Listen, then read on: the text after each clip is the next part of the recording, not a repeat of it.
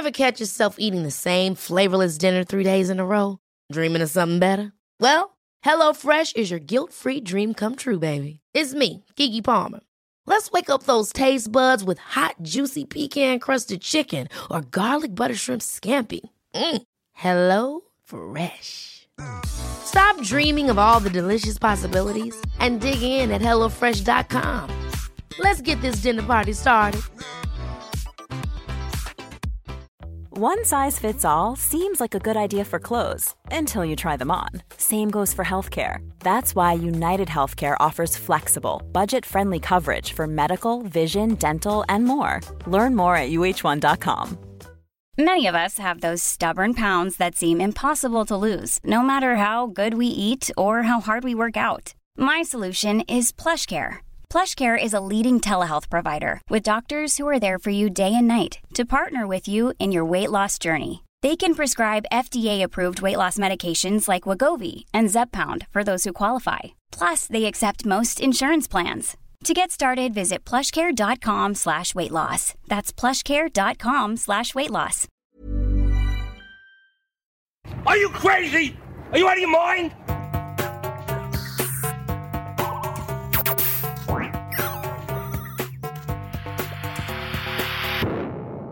Velkommen til Sinnsyn. Jeg heter Sondre Risom Livre, er psykolog, og dette er Webpsykologens podkast. Hverdagspsykologi for fagfolk og folk flest.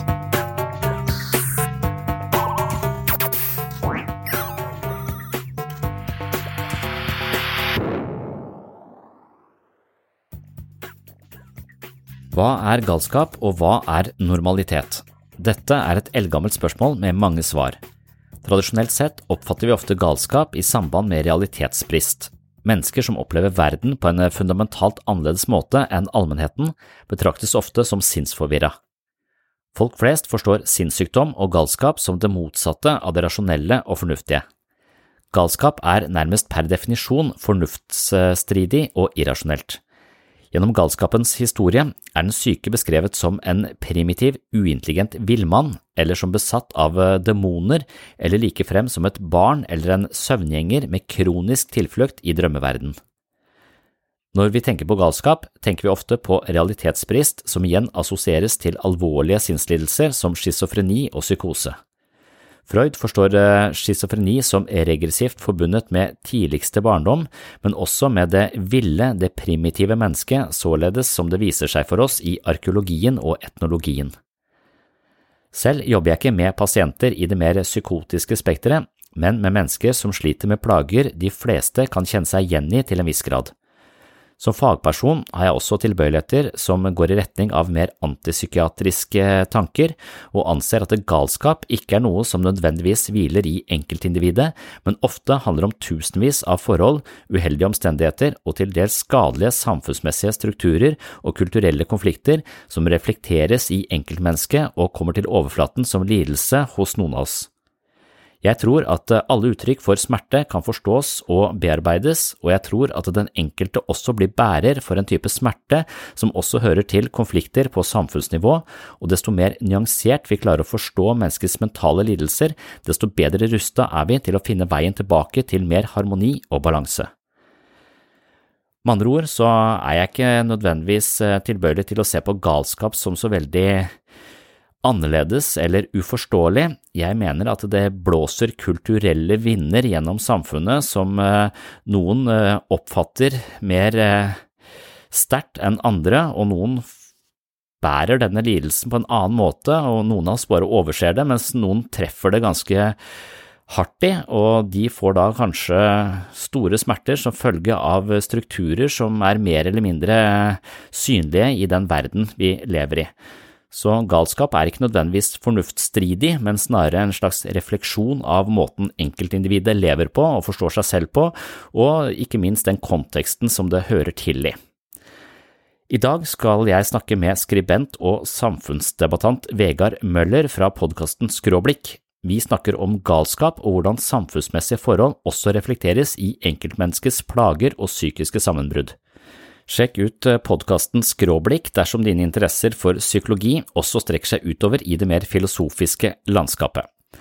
Jeg åpner dagens episode med en fantastisk komiker med en tragisk skjebne og en tett forbindelse til de mørke sidene i mennesket og en sterk fornemmelse for galskapen som gjennomborer oss alle, enten vi vet det eller ikke, nemlig Robin Williams.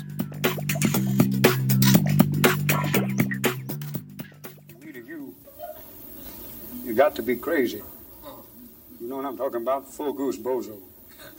Because what is reality?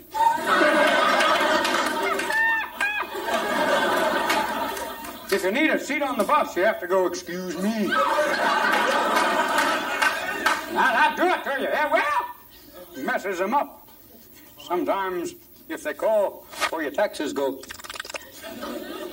that should put them aside for a day or two. Got to be crazy. You've got to. Because madness is the only way I've stayed alive. Used to be a comedian. Used to a long time ago.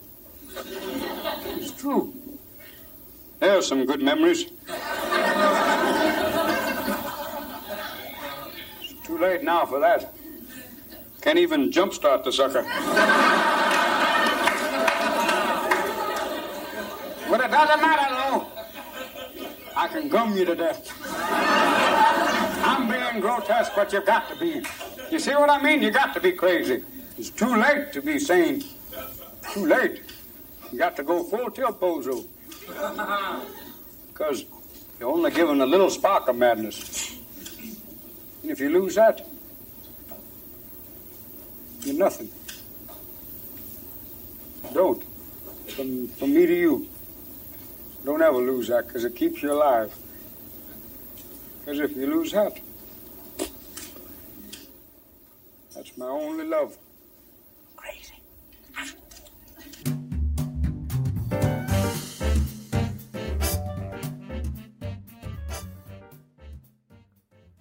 Ja, ok. Så uh, hva er eh, galskap, eller uh, liksom madness, insanity? Det kan være vi ikke har veldig gode norske ord til å skille mellom dem, men så, hvordan forstår du det som et begrep? Jeg tror tradisjonelt sett så er galskap det vi ikke helt klarer å forstå. At det, det tilhører liksom den skalaen av, av fremmedhet som gjør at vi ikke finner noen sånn felles plattform hvor det er liksom totalt fremmed for oss. At det er det vi tradisjonelt, eller det man på folkemunne tenker på som galskap. Men jeg møter ikke den typen eh, galskap så mye i min, eh, i min hverdag. Altså, og etter hvert så tror jeg også vi Jeg tror ikke du finner noen psykiske plager som vi ikke vil kalle galskap, da, men psykiske plager som ikke reflekteres i tidsånden på en eller annen måte, og at eh, alle våre psykiske lidelser vil nok reflektere tendenser i det samfunnet vi lever i, og den tiden vi lever i, og de artefaktene vi bruker eh, til å orientere oss rundt med, eller eh, som påvirker livet vårt. Så jeg tror nok det er ganske åpenbart at eh, alt vi ser av psykiske plager, det har også et slags en gjenpart i, den, i, i samfunnet. Ja, så til, syvende og sist så, så, er det vanskelig å komme unna at dette, hva enn vi velger å kalle dette, øh, øh, galskap, da, for, for, eksempel, eller, eller unormal eh, Et unormalt eh, en unormal relasjon til virkeligheten, så, så, så, vil det til syvende og sist være en slags konstruksjon hvor eh, samfunnet gjør en slags intersubjektiv vurdering av hva som er innafor, og hva som er utafor. Og, og, og, det må vi på en måte bare forholde oss til. Ja, ja, det er kanskje en annen måte å se det på, men det jeg sa først, er vel bare at jeg tenker uh, Ofte så vil jo psykoterapi handle om at ja, du var uh, frustrert på faren din og ville gifte deg med moren din, og derfor så hadde du ubevisste fantasier om å drepe faren din, og så fikk du ikke det til, og så identifiserer du deg med han isteden. Så det er masse sånne uh, familiære ting, og det er kanskje én komponent da, i forståelsen av psykiske plager. Men en vel så viktig komponent tror jeg er at samfunnet strømmer gjennom oss, og samfunnet har noen tendenser og noen trekk som kan gjøre livet vårt veldig utfordrende og ganske skakkjørt. Bare kapitalisme, mobiltelefoner, alt mulig sånn faenskap som kommer til å påvirke oss og hacke sjuke huet vårt på en sånn måte at vi taper livskvalitet, og dermed så får vi en psykisk plage. Så jeg tror at vi veldig mye forståelse av hvordan vi uh, utvikler en psykisk lidelse, kan vi finne igjen i uh, samfunnet og måten vi lever i det samfunnet på. Og da må man kanskje prøve å, å på en måte intervenere i i de psykososiale omgivelsene sine, på en eller annen måte. Så, men det er det ikke så mye snakk om i psykisk helse, så det syns jeg er et litt sånn neglisjert tema. Når du snakker om galskap på den, eh, på den måten som du sier, så er det også et språk her som binder oss til, eh, til en bestemt forståelse av noe, og språket kan jo til en viss grad man tenker jo i terapi at språket kan utvide horisonten vår, vi kan sette ord på ting vi før ikke visste noe om, og idet vi klarer å gi det et språk, så kan vi se det, og det blir synlig for oss.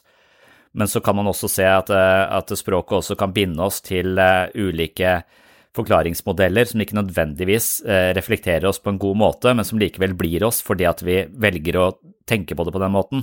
Og der har uh, det er en svenske som heter Topor, som har vært opptatt av de alvorlige sinnslidelsene, schizofreni og sånn, og, og, mener at tilfriskningsgraden i vestlige samfunn er dårligere enn i utviklingsland, nettopp fordi at vi har noen ganske fastlåste ideer om at det er ja, kanskje ganske biologisk betinga og såpass alvorlig at det er ikke mulig å komme seg. Så, så lenge vi har en slags uh, idé om at her er det bare å leve med sykdommen, og det er ikke noe poeng å prøve å, å, komme tilbake til en mer skal si, tryggere, tryggere forhold til seg selv og virkeligheten, så, så, det ikke Så, så har vi selv, selve den derre Vi har en slags deterministisk idé om at dette her er, er fastlåst. Og så, har han masse eksempler da fra, eh, fra utviklingsland hvor, hvor, det å falle litt utenfor det alminnelige blir sett på som noe um, Ja, det, det, det, blir sett på som noe temporært.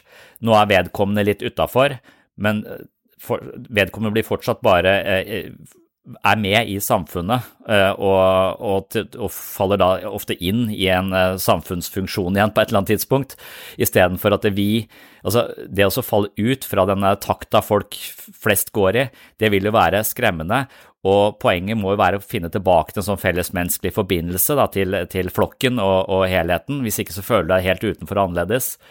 Og vår reaksjon, som er en sånn antipsykiatrisk kritikk, det er jo at hvis folk faller litt utenfor hos oss, så putter vi de inn på et, eh, på et, sted hvor de i hvert fall faller utenfor, sånn at vi isolerer de utenfor og tar de ut av arbeidslivet, tar de ut av samfunnet, putter de inn på en lukkeavdeling, sånn at, eh, sånn at vi, eh, vi, gjør mer av det som i utgangspunktet var det som konstituerer selve problemet, at du føler deg annerledes utafor og ikke finner tilbake igjen til de, de fellesmenneskelige den plattformen som du trenger for å føle deg ikke sånn himmelropende og eksistensielt ensom, da. Nettopp. Det er veldig interessant. Her er det veldig mange veier man kunne gå. Uh, den siste uka så har jeg lest på Galskapens historie med Michel Foucault, og det har gått opp for meg at uh, gjennom tidene så har vi hatt så forskjellige forståelser av dette begrepet at det er nesten vanskelig å uh, finne noe unisont, altså noe som har vært der helt fra begynnelsen. Så f.eks. hvis vi ser på antikken, så kan vi se at Eh, Platon via karakteren Sokrates da i sine bøker eh, prater om Thea teamania som en slags positiv mani som til og med kan være et godt verktøy for å få for å gjøre god filosofi osv. Og, og folk som kanskje vi i dag ville kalt schizofrenie, eller som er bipolare, har en manisk episode, kanskje kommer inn i noe vi ville kalt en psykose, ville blitt sett på mer som et eksentrisk eh, personlighetstrekk. Og så har man jo gått helt motsatt. På 1600- og 1700-tallet så, så, var det jo mer at vi måtte få de vekk. Så mye som 1% av befolkninga i Frankrike kunne være borte. Så tenker jeg Altså låst borte, da. Eh, 1% av befolkninga i Paris, mener jeg. Så tenker jeg eh, Fins det sted i midten her, kanskje? Ja, et sted i, i, midten mellom å Ja, for det var en periode man behandla de som kriminelle. De som var eh, annerledes, og utsatte de for ulike torturmetoder. Fordi man tenkte at de Jeg husker Foucault skrev om det der folk som tro, trodde de hadde mista hodet sitt. Da satte man seg på hodet deres eller la tunge ting oppå som gjør dritvondt for at de skulle merke at du har faktisk et hode. så det var så mange sånne vanvittige behandlingsforsøk, putte de ned iskaldt vann osv. Som Men ja, nei, det, vi er vel mye mer oppmerksomme i dag på å altså DPS-et f.eks. er et, et desentralisert system, sånn at ikke alle skal være på disse store institusjonene, at vi skal samle de Eh, de som har en psykisk plage på ett sted i store institusjoner, men skal heller eh, ha de i egne boliger, integrert i samfunnet. Så det er i hvert fall en idé som vi, som vi tilstreber. Men, men, men, så her og der så, så, vil det jo være noen som vil havne borte på egg, holdt jeg på å si, eller noen som også da vil mot sin vilje, i hvert fall på, i korte perioder, øh, øh, holdes litt avlukka mot, mot sin vilje hva er det, hva er det da Altså, hva er det da snakk om? Hva, hva kjennetegner at noen har gått så langt bort at, at, dette må Da tror jeg stort sett hvis de er fare til fare for seg sjøl eller andre. Som regel så er det ikke så farlig for andre, men det kan være så farlig for seg sjøl at man regner med at de eh, kan komme til å dø hvis ikke man eh, holder de litt fast. Men også kanskje at det er eh, ja, det er jo da psykosen eller manien. Det, det merkeligste for meg å møte, og som jeg har en del mennesker som sliter med, det er eh, bipolar lidelse. Og, og det manien er eh, Det er en merkelig karakterforandring som, som virker altså i sitt vesen mer biologisk enn eh, enn alle andre psykiske plager som man liksom kan forstå og kjenne seg igjen i. Og oppmerksomhetssvikt, ADHD, ja, du får jo det hvis du kikker på mobilen din hele forbanna tida, så, så vil jo så Det er så mange ting som man kan kjenne igjen, og man ser at ja, hvis jeg ikke skjerper meg litt der, så utvikler jeg det samme. Mens, eh, mens manien eh, virker eh, som noe som plutselig Jeg kan også kjenne meg igjen i mani, for jeg kan ha veldig høyt energi, jeg bare definerer det ikke som som mani, og jeg gjør ikke, jeg selger ikke huset og flytter til Maldivene eh, i løpet av helgen. Så det er jo når, når du gjør sånne ting at, at, du virkelig bare tar helt av, at du får så katastrofale følger for deg når du lander igjen, for du har eh, brent så mange broer. Og det, det er vel der man eh, eh strammer inn og prøver å å hjelpe folk til å ikke brenne alle de, de, broene, men som regel så kjenner man til de som har den eh, typen eh, tendenser, og så har man laget en slags kriseplan som de har gått med på når de er på et, uh, et sted hvor de kan reflektere bedre over sin aktuelle situasjon. Og da vet de at når dette skjer med meg, når jeg stiger så høyt, så kan jeg risikere å uh, miste alt jeg har bygd opp over lang, lang tid, eh, på veldig kort tid, og det må noen hjelpe meg å forhindre. Men når de er der, så vil de da jobbe aktivt imot eh, at det at de, disse planene blir satt inn, og at de blir hindra fra å Så du, du, det er jo en umyndiggjøring, på en måte. Og jeg, jeg, er, jeg, liker ikke å jobbe med det, jeg har ikke noe erf særlig erfaring med det, fordi jeg synes det er så vanskelig ikke ha tiltro til folk, ikke anse folk som rasjonelle, oppegående mennesker, altså gi de ansvar for uh, å drøfte det med de. Akkurat som at når denne biologiske manien kommer inn, så er det liksom uh, litt som å behandle de som jeg behandler barna mine. Jeg vet litt bedre enn barna mine fordi jeg er eldre, liksom. Og det føler jeg er en slags overformynderisk holdning overfor andre voksne mennesker som jeg har vondt for å gå inn i. Derfor så er jeg mer tilbøyelig til å tenke ja, ok, du kjøpte julegaver for 120 000, ja. ja det er sikkert, og så argumenterer de lenge hvorfor det var så jævla lurt. Og så tenker jeg at du er på Nav, du har ikke noe jobb, men likevel så kjøper du julegaver til 120 000. Eh, ok, eh, du har overbevist meg. Liksom, det er vanskelig for meg å si men hør nå her, dette må du levere tilbake igjen, for det er for seint. Så jeg burde sikkert gjort det, men jeg syns det er vanskelig fordi jeg jeg anser vedkommende som klok. Det er en intelligent, oppegående person som jeg har kjent over litt tid, som plutselig har, eh, har fått et kick som, eh, ja, som kan ligne litt på folk du møter på byen som er skikkelig dritings. Eh, du, du, pleier å kjenne de som den og den litt sånn kanskje reserverte personen, ettertenksom og klok, og så ute på byen så plutselig står du på bordet i bar overkropp. Og det er sånn Dette passer ikke, her er det noe annet. det her, det her, er jo kjempeinteressant, for her kan jeg jo bruke meg sjøl litt som et eksempel. fordi borte på DPS så ga de meg bipolar med bipolar type 2, da, som gjør at uh, man får ikke helt den der. da. Men likevel så er det jo sånn at jeg har flere ganger tenkt åh, kanskje jeg burde hatt noen til å passe på at ikke jeg bruker penger på ditt og mm. ikke sant? Og så tar du uh, tar, Og så har du Kanye West. Han, uh, han har jo bipolar lidelse. og så følger jeg med på han. Og for eksempel når han da eh, i fjor plutselig Ja. skulle bli president, eh, så satt jo jeg og tenkte Å, nei, ikke gjør det.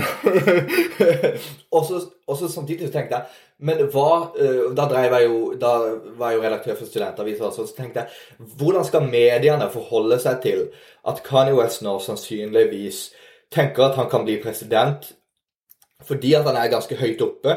Men vi må jo, vi kan jo ikke umyndiggjøre han. Vi kan jo ikke bare vi kan, Altså, media kan ikke skrive. Men det er eh, en manisk fase, så vi kan ikke ta han seriøst. Altså, det, det er kjempekomplekst. Mm. Ja, det er det. For det, det, det, er, eh, det blir en ubalanse i relasjonen. Og som terapeut så misliker jeg veldig sterkt ubalanse i, i relasjonen. Det er alltid en ubalanse mellom, en, en, mellom legen din og deg, på en måte. Legen din vet noe, det er en eller annen sånn ubalanse i relasjonen. Men i et psykoterapiprosjekt, som er det jeg driver med, så, så er det, det, er, det er unektelig en ubalanse der, fordi at eh, jeg jobber her, og de kommer hit, men jeg føler meg likevel veldig lik. Altså, jeg har mange av de samme, jeg kan kjenne meg igjen i de, og vi sparrer på, på, på like fot. Men med en gang disse mer biologiske tingene kommer inn, så er det som om, eh, som om denne likefotsideen ikke er der lenger. Det er eh, som om de har en eh, type Du, du kan ikke ta det de sier for god fisk, og, og da er det vanskelig å Eh, For hadde han ikke vært manisk, og han hadde sagt du har tenkt å kjøpe julegave for 120 000, da er du helt dust, altså er du tjukk i huet? Hva, du må jo eh, så, det hadde jeg, jeg hadde bare sagt det, for det mener jeg. Er du, er er du rabla for det? Det hadde jeg sagt til han uh, i, i utgangspunktet. Men, men den, den tonen, den, det vil være en slags sånn tone hvor jeg anerkjenner at han er et selvstendig menneske som tåler eh, min litt sånn eh, jeg, jeg, sånn, eh, jeg behandler han med respekt, egentlig, ved å si at du er tjukk i huet. Eh, men, eh, men så lenge han har denne ikke er seg sjøl, så er det noe helt annet. Så det er vanskelig. Jeg liker det veldig godt som en eh, approach. Vel- Veldig mange sier jo dette at man kan kjenne seg igjen i disse symptomene av bipolar lidelse. Veldig mange sier det samme om ADHD. Det er jo eh, kanskje det er vel mer å være nev anevrotypisk. Men så lurer jeg på, tror du at det er et sånn binært fenomen som regel, sånne lidelser, eller hva man skal kalle det? Eller, eller tror du at det er et litt sånn spekter at kanskje på et eller annet tidspunkt så har du så mye ADHD eller så mye bipolar at det kan stå i, i veien for deg? Eller er det veldig sånn Er det noen som ikke har ADHD i det hele tatt? Eller, altså? Jeg, jeg tror det er eh, Alt eh, kan virke som er på et eh, kontinuum, på et, på et spekter. Så, eh, akkurat på ADHD er er også en sånn veldig sånn biologisk ting, men jeg syns det er eh, vanskelig å vite Jeg har aldri klart å utrede ADHD og tenke at dette er jeg 100 sikker på er ADHD. For eh, de fleste har masse ting som eh, andre forklaringsmodeller som hadde passet. Altså de, hvis de aldri uttrykker følelser, så, så vibrerer du på en eller annen måte, og du klarer ikke å konsentrere deg fordi at du har så mye undertrykt eh, sorg eller sinne eller et eller annet, sånn at du, symptomene vil alltid kunne forklares i så mange forskjellige årsakssammenhenger, og samti, sannsynligvis så er det en million årsaker til at du har det akkurat sånn som du har det. Det virker som om, så, så i hvert i hvert menneskelig tilfelle så, så vil du måtte sjonglere utrolig mange perspektiver, og du vil øh, garantert aldri ha med deg alle perspektivene som gir en fullstendig forklaring på det mennesket. Men for eksempel min egen, min egen tendens til mani, den er ikke noe bipolar i det hele tatt. Jeg er ikke deprimert, eh, veldig sjelden nede, nesten aldri, men, men, eh, men jeg har et slags manisk forsvar, så det er nesten som en slags balansestrategi jeg bruker, for jeg kan merke at eh, meningsløsheten eller apatien øh, nærmer seg. Jeg kan merke at det som normalt sett gir meg masse vitalitet og livskraft, som gleder meg mye, f.eks. sjakk er noe som jeg interesserer meg veldig, og så plutselig så mister jeg den gløden, jeg bryr meg ikke om spillet lenger, og da er jeg veldig oppmerksom på at jeg girer veldig, da slutter jeg med det, men så girer jeg veldig opp et annet sted, eh, nesten sånn på trass, fordi jeg, fordi jeg vet at eh, jeg trenger den energien for å, for å leve godt da, og så er jeg veldig påpasselig med at jeg trener jevnt da, eh, at jeg ikke slutter unna tre, altså at jeg så jeg opplever at det hele livet handler om balanse mellom ulike poler, eh, mellom det oppstemte og det nedstemte, eh, og at, det har eh, Det er hele tiden eh, på, et spekter. Det med ADHD er litt sånn Jeg tenker at eh, jo mer jeg bruker telefonen min, jo mer fucker jeg opp eh, oppmerksomheten min. Ja. Hvis, men hvis vi kan gå videre inn på det, for jeg, jeg, jeg er faktisk veldig spent på å høre, for eksempel med, med tanke på øh, med tanke på skriving og det å lage podkasting, eh, om du blir mer produktiv da. Men bare rett før jeg spør deg om det også, så vil jeg liksom for å kontekstualisere dette her. Så ikke sant, igjen som vi var inne på med Theamania-konseptet fra eh, Platon, går litt ut på at det er noe gull i det maniske også. ikke sant, det er noe, og, og kanskje noen dro det litt for langt i antikken, hvor de tenkte at det, maniske har, altså når man er manisk, har man en slags sånn direkte kontakt med liksom noe sånn hellig eh, Ikke sant? Eh, og det, det kan jo sikkert være å dra det litt for langt, da. Men de fleste vil nok si at det er litt sånn det føles. Det føles litt som om man eh, er i kontakt med noe helt sånn uh, gudelig, eller hva enn det måtte være. Uh, og det var jo derfor jeg tok opp dette med, med, med Fins det noe midt imellom? For er det ikke riktig at man kommer på Man blir ganske kreativ uh, mm. i maniske faser? Ja. Og jeg syns det ligner Altså det, det nevrobiologiske substratet i den uh, Eh, i disse opplevelsene, de, de, gir litt sånn, selv om de ikke gir så mye verdifulle innspill, så, så når jeg tenker at vi har et, et grunnleggende emosjonelt styringssystem, som Panksepp snakker om f.eks., som er, eh, det er panikk, det er frykt, eh, det er raseri, og det er interesse og iver, et søke- og lystsystem, så, så, er det bare dette søke- og lystsystemet som er uh, utadgående, interessert osv. Det betinger at du ikke har så mye frykt og, og så mye panikk i deg. Eh, og så er det aggresjon som er selvhevdelsen. Så disse grunnleggende emosjonelle styringssystemene opererer hele tiden eh, mer eller mindre samstemt. Så for meg så kan det virke som om eh, noen av disse systemene av og til eh, får, eh, får, lov til å kjøre en total monolog, da. Sånn at eh, hvis du, og, manien vil være at det er søke- og lystsystemet ditt, denne voldsomme interessen og iveren som får lov til å kjøre hele showet, og det gir deg et uh, urealistisk og ubalansert forhold til deg sjøl og verden. Så jeg opplever når, når, jeg rammes av denne nedstemtheten, eller den sniker seg på meg, jeg vil ikke si at jeg er deprimert, men jeg vil si at jeg, så er det ofte en, uh, forbundet med en sånn følelse av skam og ikke å tro at du er for mye Det er en slags korrigering av egoet mitt, føler jeg. Så, fordi at det kanskje denne søke- og lystsystemet har, har, vært litt for jeg har vært litt for oppesen litt for lenge, og så kommer det noen som må slå meg litt i magen, og så sier du skal ikke tro at du er noe, og så stemmer det litt, for jeg skal ikke tro at jeg er så mye som det jeg har trodd. Så det er ikke, det er ikke en sånn derre å, det må du ikke høre på. Det skal du høre på, jeg skal høre på det, for det, det balanserer meg. Så, så, jeg opplever ikke depresjonen som noe negativt, men som en slags, uh, ofte som et uh, viktig korrektiv til en mer oppstemt uh, idé. For det, det, er litt sånn at det, det å hele tiden forstå seg selv i en så altså, realistisk kontekst som mulig, altså at min forståelse av meg er mest mulig virkelighetsnær og er best mulig bilde på hvordan jeg egentlig fungerer og hvordan andre opplever at jeg fungerer. Og hvis jeg ikke har noe panikk og frykt i meg, f.eks. frykt for å ikke være god nok eller panikk for å bli avvist av andre, det er ofte med separasjon å gjøre, ikke sant. Hvis jeg ikke har noen av de, så, eh, så, så, og jeg bare er fullstendig på, så blir det et, eh, et unaturlig og ikke reelt forhold til meg sjøl. Som, eh, som Trump er, har ikke, han har ikke de bremsemekanismene. Sånn jeg ser det, det virker ikke som om han, han, har denne selvkritikken eller får denne depressive Kan godt hende han har det, men han, han undertrykker det sånn at det, det, han bruker ikke denne informasjonen. Jeg tenker at depresjonen er et viktig korrektiv uh, for, for, meg. Ja, ja for han har, alltid, han har, alltid, slått meg helt sånn med akkurat de ordene, så han har alltid slått meg som mer eller mindre konstant mm. manisk. Mm. Og, og, ja, og totalt blotta fordi jeg altså, ikke orker å ta inn over seg. Men jeg tenker den der smerten ved den nedturen, den er vond og vanskelig, men den er et viktig det, det Den skal lytte til det. Og så Mange har jo dette hele tiden. ikke sant? De har, de har majoriteten av de menneskene jeg møter, har ikke for mye energi i søke- og lystsystemet.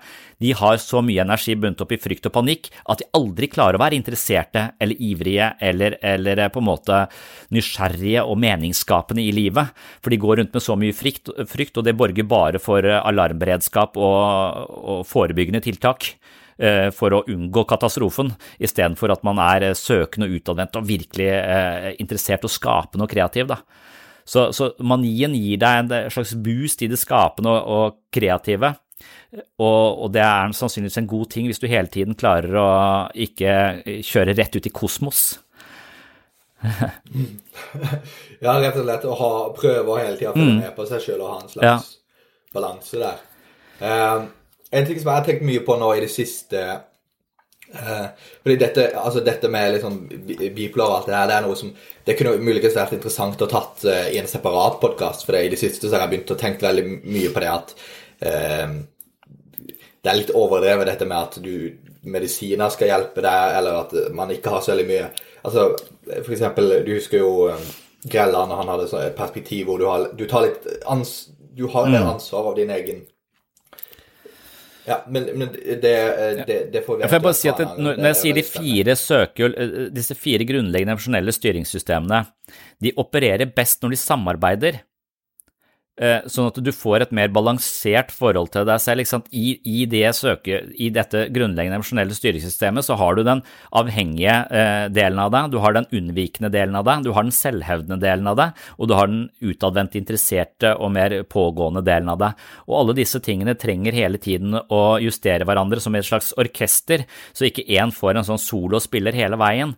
Og det er vel det som er den psykiske lidelsen, er at det, hos meg så er det ofte panikksentrene og fryktsentrene som får spille solo. og da da, har de ikke noe motvekt uh, i, i, en mer selvhevdende måte å være på, så man tenker at jeg er ikke god nok, jeg må stille meg bakerst i køen, uh, alle er bedre enn meg.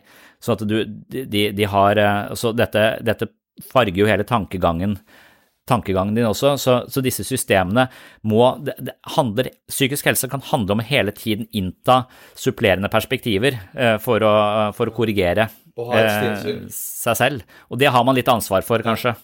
Uh, Eh, så en ting, Men uh, en annen ting, da, for å gå litt mer tilbake til det opprinnelige, så er det sånn En ting jeg har tenkt mye på i det siste, er Hva er oddsen for at på jeg akkurat nå så sitter det sånn ett eller, ett eller to genier som bare er forut for sin tid? For Jeg lest mye på det de kaller liksom divine madness, eller hellig galskap. En type sånn ukonvensjonell oppførsel som på en måte virker som galskap uh, for mange, men at det kanskje egentlig mer er noen som har en så stor altså så høy selvinnsikt at de liksom eh, strategisk gjør, bruker galskap som en konstruksjon av sin identitet. Jeg tenker på eh, Diogenes, for Eh, Diogenes, Diogenes fra antikken.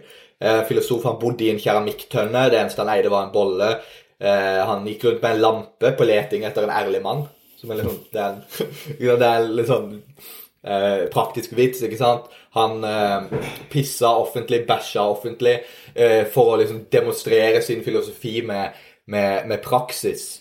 Eh, altså han, han, han, liksom, han, var veldig kritisk til Atens overfladiske syn og strenge sosiale normer, så han gjorde ekstreme ting for å provosere dem. Og nå er det jo sånn at han er, han er respektert som filosof, men i dag så har han blitt kasta inn. Ja. Og det er det som er litt spennende. Det er flere eksempler på dette bare før vi går inn på det. For eksempel er, I Kina så har vi en som heter Hanshan, som var en zen-buddhistisk munk, som bare fikk latterkrampe hver gang noen spurte han om zen. For poenget med zen er at du kan ikke beskrive det med ord. Mm. Det, for han, han, vil jo virke sinnssyk, men han er ikke nødvendigvis det. Eller um, det er en fyr i Kina som heter Ikkeyu, som løpte rundt uh, veldig ofte i byen med et skjelett. Og det var bare for å minne alle om døden. Og det er så utrolig eksentrisk oppførsel som ja. på, på, visse tider så vil det bli ansett som å mm. være ganske sinnssykt, men det kan være det ikke egentlig er det. Nei, det kan godt hende at uh, Altså Sånn som den debutromanen til Sartre, for eksempel, 'Kvalmen', det er jo et slags uh, forsøk på å finne det, det, er jo en psykoseutvikling, men det er en mer og, og, flere, både filosofer og eller kanskje spesielt kunstnere fra begynnelsen av 1900-tallet osv., de, de tilstreber jo denne det såkalte galskapen, altså en slags uh, å falle ut av, uh, av det normale. fordi at den, uansett, hvis du opererer innenfor det normale, så vil du bare kopiere ting som allerede er laget. Det vil ikke være noe originalt ved det. Så de ønsker ut i kaoset, de ønsker ut i en sånn type nærmest fenomenologisk uh, opplevelse av verden for å se den på nytt, så de ikke er fanget av de kategoriene vi har. Noe som også er det litt det samme som psykosen, bare at kunstneren gjør det med viten og vilje hopper ut av sitt eget ego, prøver å, prøver å tilstrebe dem, mens, eh, mens eh, en som lider, har bare falt ut og har plutselig blitt sånn psykologisk hjemløs. Så at de har ikke noe sted å bo lenger, har ikke noe sted å stå, og så lenge de ikke har valgt det, så faller du bare fritt, og du, du får ikke noe annet ut av det enn frykt og usikkerhet. Så, så det kan være liksom visse paralleller. Eh, paralleller er sånn, men eh, det, er, det er visse overlapper mellom det geniale og det gale, på sett og vis, men det er fortsatt distinkt i kraft av at noe Ja. er mer eh, Du gjør det mot deg sjøl, gjør det ikke mot Ja, deg sjøl. det er vanskelig å, øh, å vite motivasjonen da, til hver enkelt sånn person. Sånn at øh, hvis du hvis du, du Du virker på meg litt Hvis du bæsjer i gatene, for eksempel, så virker du på meg eh, litt sånn da, da føler jeg kanskje at det Det kan godt være du har en eller annen klok tanke, men, eh, men måten du uttrykker det på, virker overdrevent dramatisk. Da. Det, det virker som om du kanskje har et ego som har litt behov for å bli sett. Altså, det, et, for det kan ofte være et ego i veien her, et ego som har eh, behov for beundring.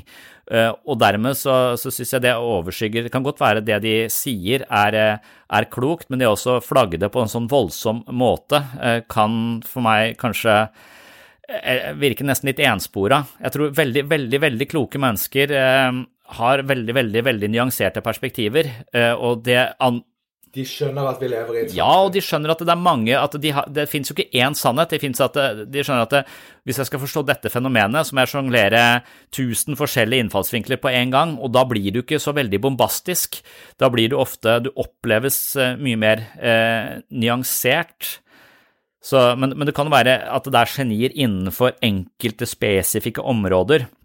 Sånn som Einstein, eksempel, at han ikke han, han, han, han beveger seg i et grensefelt fordi han har gått utenfor eh, alt det vi visste fra før, så han er i et ingenmannsland, han er et land som er uoppdaget, og hvis han klarer å sette noen formler på det som gjør at andre kan gå etter han og forstå det, så har han på en måte eh, satt upløyd mark på kartet. Men hvis ikke han klarer å sette den upløyde marka på kartet, men bare eh, forteller eh, guddommelige historier om det, så kan det være at han blir avskrevet som eh, eh, Ja, men du er jo helt utafor. Eh, så, så det, det fins nok sånn Og det er jo noen som sier at eh, at en eller annen type psykedelisk hjelp har liksom skapt gjennombrudd i enten musikken deres eller også i forskninga deres på.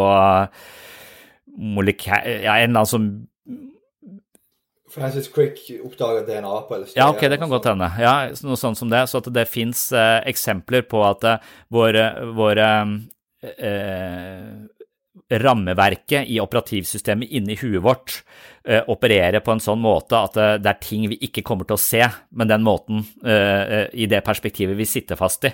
Så det å få hjelp til å falle ut av perspektivet sitt, det er Men det er også noe som ville kjennetegne psykisk sunnhet, å klare å, eh, å, å kjempe seg altså tenke i revers på en måte. Man, innenfor det som kalles ACT-terapi, så er det veldig opptatt av psykisk fleksibilitet. Så det handler om å De snakker veldig mye om psykisk fleksibilitet og rett og slett ikke være så innmari tett knytta til eh, sine vante måter å tenke på, men tenke i, eh, i, i revers. Og hvor, hvor, stor grad av psykisk fleksibilitet du har, det, måler, det kan man måle hos, hos folk ved å f.eks. Eh, si at se rundt deg i rommet, og så se på én gjenstand. Og den gjenstanden eh, kan være et, eh, en, ja, en lampe eller en colaflaske, og så får du da eh, to minutter på å finne ut hvordan kan du bruke denne colaflaska på flest mulige måter. Hva kan den brukes til, og hvordan kan du eh, ha nytte av denne colaflaska. Og så er det vanlig å komme på ca. seks ting, eh, og da er du på normen. Kommer du på mindre, så er du litt lite eh, psykisk fleksibel. Og så er det forskjellige grader av noen. Noen bruker den til sånne ting som er sånn helt utenkelig, og det, det vil eh, egentlig score ekstrapoeng, fordi de, de, det å tenke utenfor eh, boksen er og jeg tror at det kan ha en sånn viss effekt på psykiske plager, fordi at det, det å tenke at jeg er verdiløs, det er å ha satt seg fast i et ganske enspora forståelse av deg sjøl. Så hvis du er, har god evne til å reflektere og tenke bredt og nytt, så tror jeg det vil, vil kunne hjelpe deg ut av enspora og mørke tunneler i, eget, i din egen selvoppfattelse. Og dermed så vil jeg tenke at det å studere filosofi er å lære seg å tenke, og dermed et av de viktigste fagene for psykisk helse. så, så jeg syns filosofifaget har Jeg hørte akkurat han Sven Brinkmann snakket i den siste podkasten sin om om litt sånn dårlig rykte i de humanistiske fagene. For det var som om mange som studerte humanistiske fag, hadde litt problemer med å, med å forklare hvorfor det var nevenyttig i dagens samfunn. Det var mer de harde vitenskapene som gjaldt, så, så de hadde en hel episode om hvordan man egentlig skal legitimere filosofi, for eksempel, osv. Og jeg synes ikke, For meg så er ikke det noe vanskelig eh, å legitimere at, eh, at, de humanistiske fagene, litteraturvitenskap eller eh, filosofi eller psykologi, har noe Altså, det evnen vi har til å tenke bredere og mer nyansert og innta flere perspektiver, det er det en av de viktigste ressursene for å klare å omgås, for å finne nye løsninger, for å vokse. Så det er Ja, nå, tenk, nå, tenker jeg på, vår, på uh, om våre utdannelsesinstitusjoners fremtid av Friedrich Nietzsche. Mm. Og hvordan på en måte poenget med altså sånn tradisjonelt sett humaniora har blitt. Og på en måte så er jo psykologi tett opp til humaniora. Det er jo mennesker, ikke sant. Uh, den har jo på sett og vis blitt historisk forsvart med at det høyeste idealet for mennesket er dannelsen. Uh, så, så det, det, mm. det, er interessant det du det du tar opp der. Jeg tror virkelig det er veldig mye med Filosofi kan hjelpe deg veldig mye. Psykologi kommer jo ut av filosofien. De er, de er tett knytta. Og, og, og jeg, jeg, jeg, fikk så mange tanker jeg må sortere. Men angående dette med fleksibilitet, dette med, med f.eks. LSD og sånne ting der tror jeg at veldig mange de vil jo finne på å gjøre sånne ting som de sier at ja, ja, Freud han bare kom på ditt og datt fordi at han tok kokain. Men anyways, jeg tok uh, syre i går, og så kjente jeg sjakraen min og bla, bla, bla. Uh, uh, og, og, det de mangler, er jo at de setter De, de klarer ikke å kontekstualisere dette rusmiddelet da, som de i, i, som et verktøy inn i et større filosofisk paradigme. Det siste ordet fikk jeg ikke med meg. Du sa som et verktøy. Som et verktøy i et større filosofisk paradigme, liksom. Altså at du har filosof, godt, gode filosofiske grunnantagelser for, for, hva som gjør Altså fordi noen vil jo kanskje ta eh, LSD og tenke at alt de tenker på LSD, det er sant.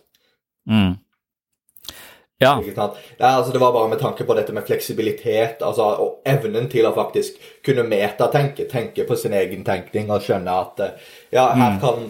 Her kan unike perspektiver det kan hjelpe meg, men man må uh, også faktisk kunne se uh, Man må kunne metatenke på, på, på Ja, absolutt. Og jeg, jeg tror at det, mange av de alminnelige og fellesmenneskelige disiplinene vi har for tenkning, hjelper oss uh, gjennom uh, livet. Eh, problemet eller jeg, vil tenke på denne mentale fleksibiliteten som evnen til å sette eh, ting i revers innimellom. Sånn at eh, revers er ikke noe du alltid kjører i, for det vil være veldig kronglete å alltid kjøre i revers. Men av og til så må du rygge for å komme ut av et blindspor. Og jeg tror det er det som er, er, den mentale fleksibiliteten, er evnen til å sette i revers og så tenke på nytt om noe. Og jeg tror at det er viktigere enn noen gang, fordi det er så mange faktorer i samfunnet vårt som ansporer oss til å gå i ulike mentale feller som forringer livskvaliteten vår dramatisk. Bare denne sammenligningen vi gjør altså Før så sammenligna jeg meg kanskje med naboen og kollegaer. Nå er det liksom eh, hele verden på sosiale medier hvor du hele tiden kan finne et eller annet eh, referansepunkt som, eh, hvor du i forhold til det vil eh, se på deg selv som eh, totalt udugelig eh, eller lite attraktiv, sånn at du hele tiden altså, så, så, det å gå i disse fellene hvor vi hele tiden sammenligner oss oppover, eller de fellene som hele kapitalismen er bygd opp rundt, at det, du mangler noe, men du kan få kjøpt det for å få det bedre, så det evige løpet mot å hele tiden være oppmerksom på at jeg er i en mangeltilstand, noe som eh, er det motsatte av å føle seg tilfreds og, og, og, god nok. Og hvis vi føler oss tilfreds og gode nok, så blir vi bedre medmennesker, vi får det bedre med oss sjøl, vi får bedre relasjoner, men vi kommer til å kjøpe færre ting. Og da ødelegger vi hele det økonomiske systemet vårt. Så vi kan ikke være tilfredse hvis vi skal fortsette å ha et økonomisk system som bygger på evig vekst og hele tiden At vi hele tiden må kjøpe noe. Så, dermed så, er det så mange krefter i verden som prøver å kjøre deg inn i bestemte spor som de lurer deg til å tro er et godt livsspor. Bare for karriere, for nok penger, for det, så kan du kjøpe det, så kan du kjøpe det. Så, det er en måte å drive livet framover på det òg, men det gir ikke den beste livskvaliteten. Og det å kunne avsløre det, det å også innse disse tingene og, og kunne rygge ut av det og ta, en, ta et annet spor, det er, eh, det er, viktig. For hvis du bare kjører videre, så kan det være du klarer å leve hele livet på det, men veldig ofte så vil du i en eller annen sving litt lenger ned i veien føle at livet er totalt meningsløst, og du lurer på om du er best å ta livet sitt. For dette her, nå har jeg alt jeg trenger, men jeg er ikke lykkelig. Og det er fordi du har blitt lurt inn i et, et spor, kanskje. Og det er tusenvis av sånne ting. Jeg mener kanskje at det der med søke- og lystsystemet, det maniske, den der kreative biten, det er noe som barn utvikler i møte med naturen, tror jeg. Altså det å få pinner til å bli pistoler, eller eh, få, eh, få, pinner til å bli en hytte. Den, eh, det å være der istedenfor å bli presentert masse stimuli på en skjerm, som er en passiv måte å forholde seg på, kontra en aktiv måte idet vi er aktivt medvirkende i verden, så stimulerer vi den delen, den kreative delen, og det er den som er meningsskapende, og det er den som er antidepressiv. Det er den delen av hjernen vi bruker for å skape mening og engasjement i livet.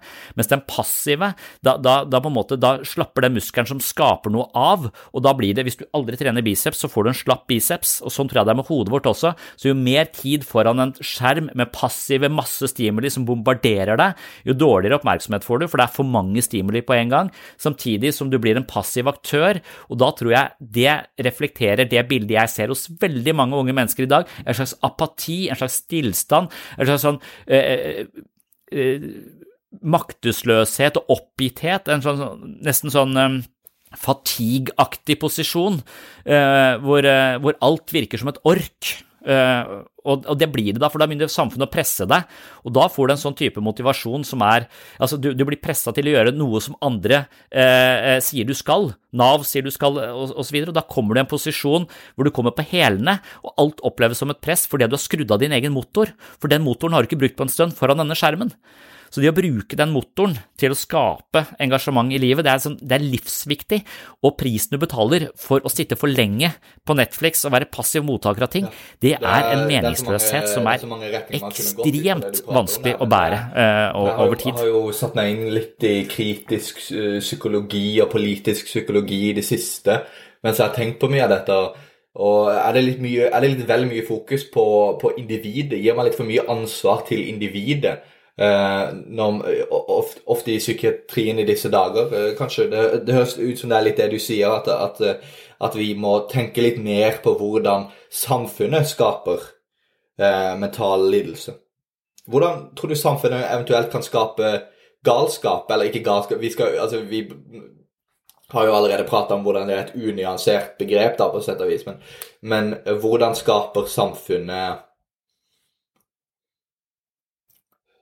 Ja. Det er galskap, kanskje.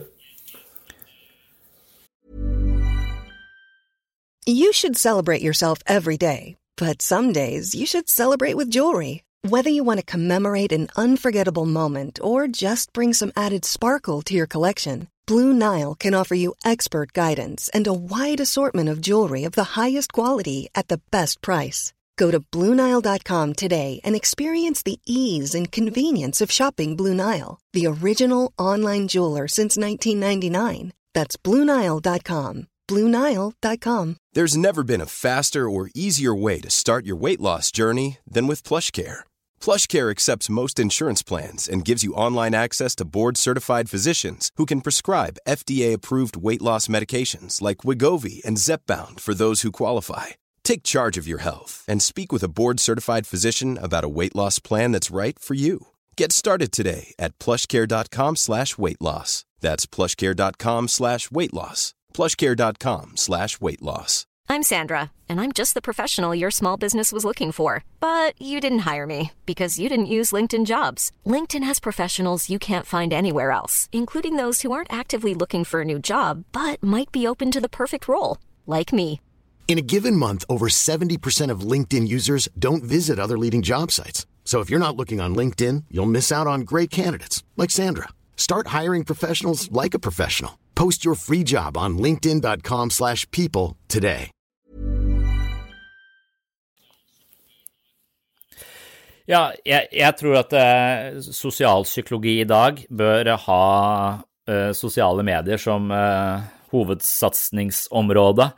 Jeg tror at vi bruker sosiale medier på en sånn måte som vi tidligere malte huset vårt med giftig maling. Eh, så tenkte man at oi, det å male huset sitt eh, sånn at du får kreft, det er kanskje ikke så lurt, så jeg tror vi må droppe de giftstoffene der sånn.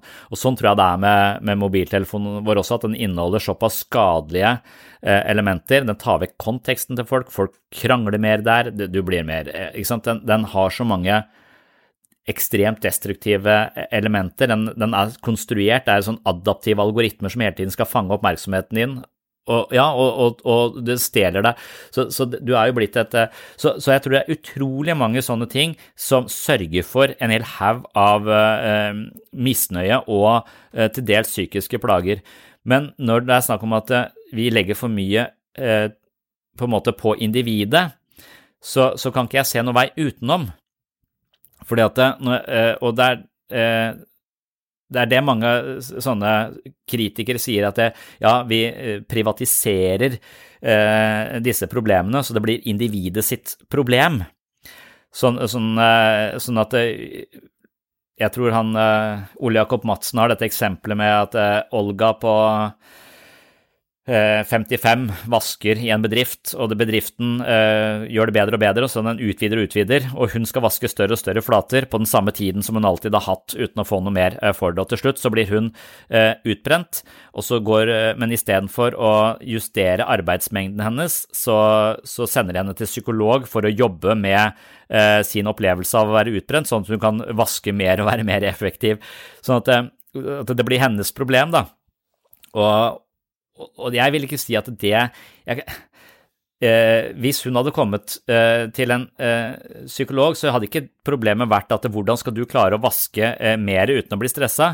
Problemet hadde vært hvorfor sa du ikke fra på et tidligere tidspunkt? Hvorfor ga du ikke fingeren til ledelsen? Hva er det med din evne til selvhevdelse som er ustabil? Hvorfor klarer du ikke å hevde dine behov i møte med disse? Det er umulig. Ok, da er det umulig, da må du skifte jobb.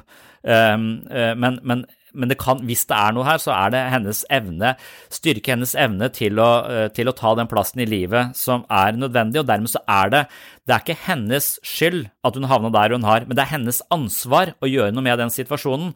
For jeg som psykolog kan ikke si at det, ja, men du er fucked pga. at du bruker mobiltelefonen din, og det er eh, Silicon Valley som har skylda for. Vi, ikke, vi, vi må da hacke oss sjøl, sånn at vi ikke går i Silicon Valley-fella. Eh, og dermed så er det jo opp til den enkelte å lære seg å orientere seg unna de verste livsfellene og de verste samfunnsmessige si, passatvindene som blåser gjennom oss og kanskje ødelegger livskvaliteten vår, eller får oss til å føle oss eh, totalt udugelige fordi vi alltid sammenligner oss med noen som er eh, bedre stilt. Altså alle disse fellene.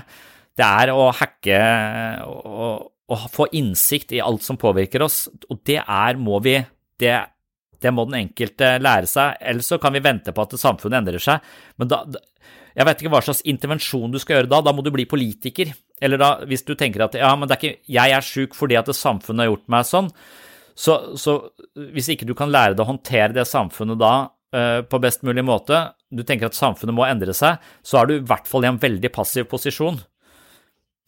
Så, mm. så, så, vi må hele tiden Vi må ikke gi folk skylda for at de har blitt sjuke. Mm.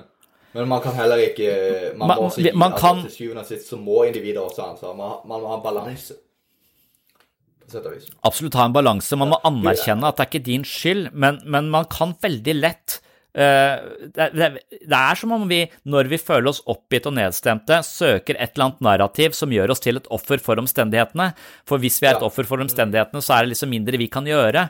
Og da, da sitter vi i ei suppe eller ei myr som det er vanskelig å komme ut av. Så, så det, det er alltid noe vi kan gjøre uh, for å få det Hæ? Ja, det kan kanskje være noe, noe i den. Eller, eller at vi liksom når vi føler oss så på felgen, så, så er det veldig vanskelig å, å, skulle initiere noe av egen maskin. ikke sant? Det er mye bedre å si at det, eller få en medisin, eller, eller, få et eller annet som bare funker sånn umiddelbart. Men du, jeg, jeg har lyst til å prate om Knut Hamsun. Fordi at Knut Hamsun uh, syns jeg bare Jeg har blitt så Jeg har tenkt, tenkt, så utrolig mye på det de siste, den siste måneden hele situasjonen med Knut Hamsun, hvordan han først gikk fra å være en, um, uh, en forfatter som på sett og vis er en av grunnleggeren av, av liksom et modernistisk syn på mennesket, som skrev boka 'Sult', hvor, han, hvor folk kjenner seg igjen, veldig igjen i en karakter som blir gal av hvordan samfunnet på Eller hvordan han er en fattig forfatter som prøver å slå gjennom og sånne ting. Og så, eh, og så blir han eh, nazistsympatisør. og så eh, blir han kalt landssviker etterpå. Og så skal han da analyseres, og jeg mener at han da blir For jeg har sett på det, denne her eh, Jeg har lest litt på, på Gjengrodde stier, som er Hamsun sitt uh, svar etterpå at han fikk denne diagnosen som han fikk. Og så har jeg lest på uh, den rettspsykiatriske um, dom mot Knut Hamsun, eller whatever, som er disse to psykiaterne i ettertid som prøver å forsvare seg. da. Og spesielt han er ene her Langfelt. føler jeg, jeg føler Dette her er et perfekt eksempel når du leser om Du kan lese liksom transkriptene fra den psykiatriske evalueringa. Og jeg tror alle som leser den i dag, vil kunne se at dette er et perfekt eksempel på en mann som er forut for sin tid, og blir stempla som, uh, som Han får jo da varig nedsatt sjelsevne, som jeg vil jeg tror det ser ut til å ligne på dagens versjon av at noen er utilregnelig. Eh, eh, så for eksempel, et eksempel, for et eksempel Han blir spurt Ja, her står det. Så på gamle skolekunnskaper, skriver Langfeld, som navnet på verdensdelene, spørsmålet om hvem Luther, Napoleon og Bismarck var, så ble han besvart tilfredsstillende. Derimot så, så endrer det seg litt når han skal svare på begreper. Så for eksempel så blir han spurt hva er forskjellen på et barn og en dverg? Og da svarer Hamsun alderen. Og når jeg hører det svaret, så ler jeg, for det, jeg tenker det er jo egentlig ganske sånn uh, Hva er forskjellen på alderen uh, på, Hva er forskjellen på et dverg og et barn? Alderen. Jeg tenker det er liksom et eksentrisk, vittig svar. Uh, men blir da, altså det blir jo da et av argumentene for å dømme han som Eh, ja, men hva, hva, slags annet svar kan du gi? Det er jo det riktige svaret. Ja, altså Det er jo et kjempevittig uh, svar som er veldig smart, men det ser ut som at Langfell var veldig hadde, Han hadde Det jeg syns det ser ut som, og som forfatteren av denne boka ser, ut til å mene, er at Eh, psykiatrien på dette tidspunktet hadde slitt med å tilpasse seg 1900-tallets modernisme. Så, de, så, jeg har et annet eksempel her. så, han, og For nå har de begynt å skrive til hverandre. Så Langfeld skriver til Hamsun. Eh, I den utredning til myndighetene som jeg må gi om dem, må jeg også ta med en karakteristikk av deres karakteregenskaper. De vil være, det vil her være av stor betydning å få høre hva de selv mener om disse. I det jeg går ut fra, i de, at de i livets løp har analysert dem selv grundig Så vidt jeg kan forstå, har de alltid vært aggressive. Kan de forklare om de tror det er en medfødt aggressivitet, eller har den en spesiell bakgrunn i opplevelser i oppveksten? Samtidig har jeg inntrykk av at de er svært sensitive, bla, bla, bla. Og så fortsetter han sånn en stund, og så svarer uh, Hamsun Jeg har ikke eh, på annen måte analysert meg sjøl enn ved i mine bøker og eh, skape flere hundre forskjellige skikkelser, hver især spunnet ut av meg med mangler, med mangler og fortrinn som diktede personer har. Den såkalte naturalistiske periode Sola og hans tid skrev om mennesker med hovedegenskaper. De hadde ikke bruk for den nyanserte psykologi. Menneskene hadde en herskende evne som styrte dem og deres handlinger. Dostojevskij med flere lærte oss alle noe annet om menneskene. Fra jeg begynte, tror jeg ikke det finnes i hele min produksjon en person med en slik hel, rettlinjet, herskede evne. De er alle uten såkalt karakter. De er splitta og oppstykka, ikke gode og ikke onde, men begge deler. Nyanserte, skiftende i sitt sinn og i sine handlinger. Og slik er utvilsomt jeg. Det er meget mulig jeg er aggressiv, og at jeg kanskje har litt av alle de egenskaper som professoren antyder. Sårbar, mistenksom, egoistisk, gavmild, sjalu, rettsindig, logisk, føl følsom kald natur. Det vil være menneskelig i alle disse egenskaper. Men jeg vet ikke å kunne gi overvekten, overvekten til noen av dem hos meg selv. Det som utgjør meg, eh, kommer her til den nådegave som har satt meg i stand til å skrive mine bøker, men den kan jeg heller ikke analysere. Brandes har kalt den en guddommelig galskap. Og uh, Inntrykket mitt her er jo da at det som, det som egentlig skjer, er jo det at uh, en av personene som liksom fikk Nobelprisen og gjorde at Altså i litteratur, og gjorde at eh, vi ser på mennesker som vi ser på de i dag, ble da psykiatrisk evaluert av noen som dealer med et eh, paradigme som er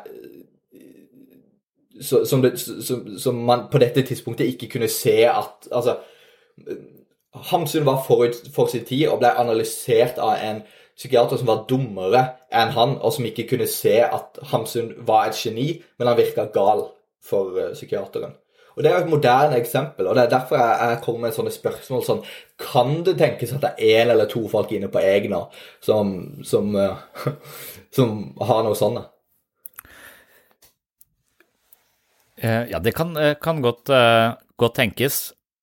Men jeg, jeg tror at Jeg husker det var en som jeg leste om et Ortega y Gasset, som, som skrev at Eh, alle nyvinninger eh, det plukkes opp i kunsten først. Det er, det er, kunsten som er mest fintfølende på alle disse åndelige passatvindene, som han kalte det, som, eh, som varsler eh, endring.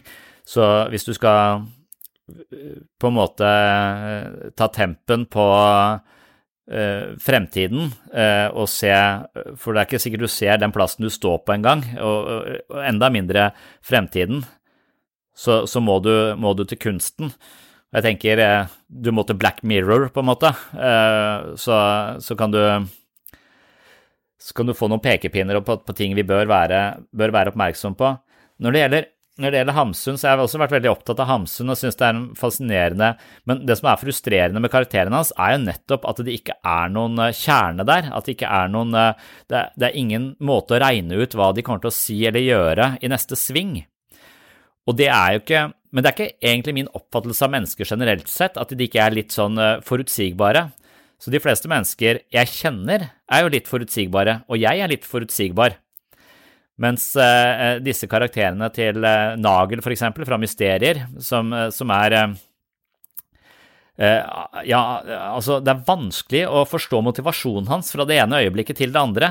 Og dermed så, eh, så vil han eh, jo oppfattes som en særdeles uberegnelig karakter, som, som, eh, som er veldig sånn opptatt av å, å, ikke ha noen kjerne. Og kanskje dette er liksom modernismen, da, at den er opptatt av å bryte litt med alt det, det, bestående for å kjempe seg ut av noen litt mer sånne trange eksistensvilkår. Og at vi da, da får, et, um, får, et, mer åpent uh, og eventuelt uh, ja, vi, men vi får noen andre problemstillinger. Det er ikke sikkert at det hele tiden Det også altså, e-, Etter hvert som vi får flere, flere, og flere valgmuligheter og muligheten til å velge vårt eget liv og vår egen karakter og vår egen måte å være på og vår eget eh, Altså at alt blir gjort til gjenstand for valg, hver gang du setter opp et nytt valg, så, så, blir du også ansvarlig for å ta det valget. Og valg jo, eh, gir oss ofte tvil og usikkerhet. Det å være hele tiden i valgsituasjoner er noe som eh, genererer mer tvil. Sånn at vi kan eh, også tenke på moderne eh, lidelser som en slags eh, apati i møte med for mange valg etter hvert så blir kjønn også et valg, ikke sant? Kjønn er ikke lenger noe som Før så ble du født som bonde, du ble født i et kjønn, og du visste hva uh, Det er en viss forutsigbarhet i dette. Og jeg tror den forutsigbarheten har en verdi. Jeg tror du kan leve et ganske godt liv innenfor noen ganske sånne trygge rammer, så kan du utvikle deg innenfor de. Men hvis du sprenger alle rammene, og sprenger alt, så, så, så er du så da skal du være et veldig sterkt menneske for å ikke føle at du lever et liv på sand.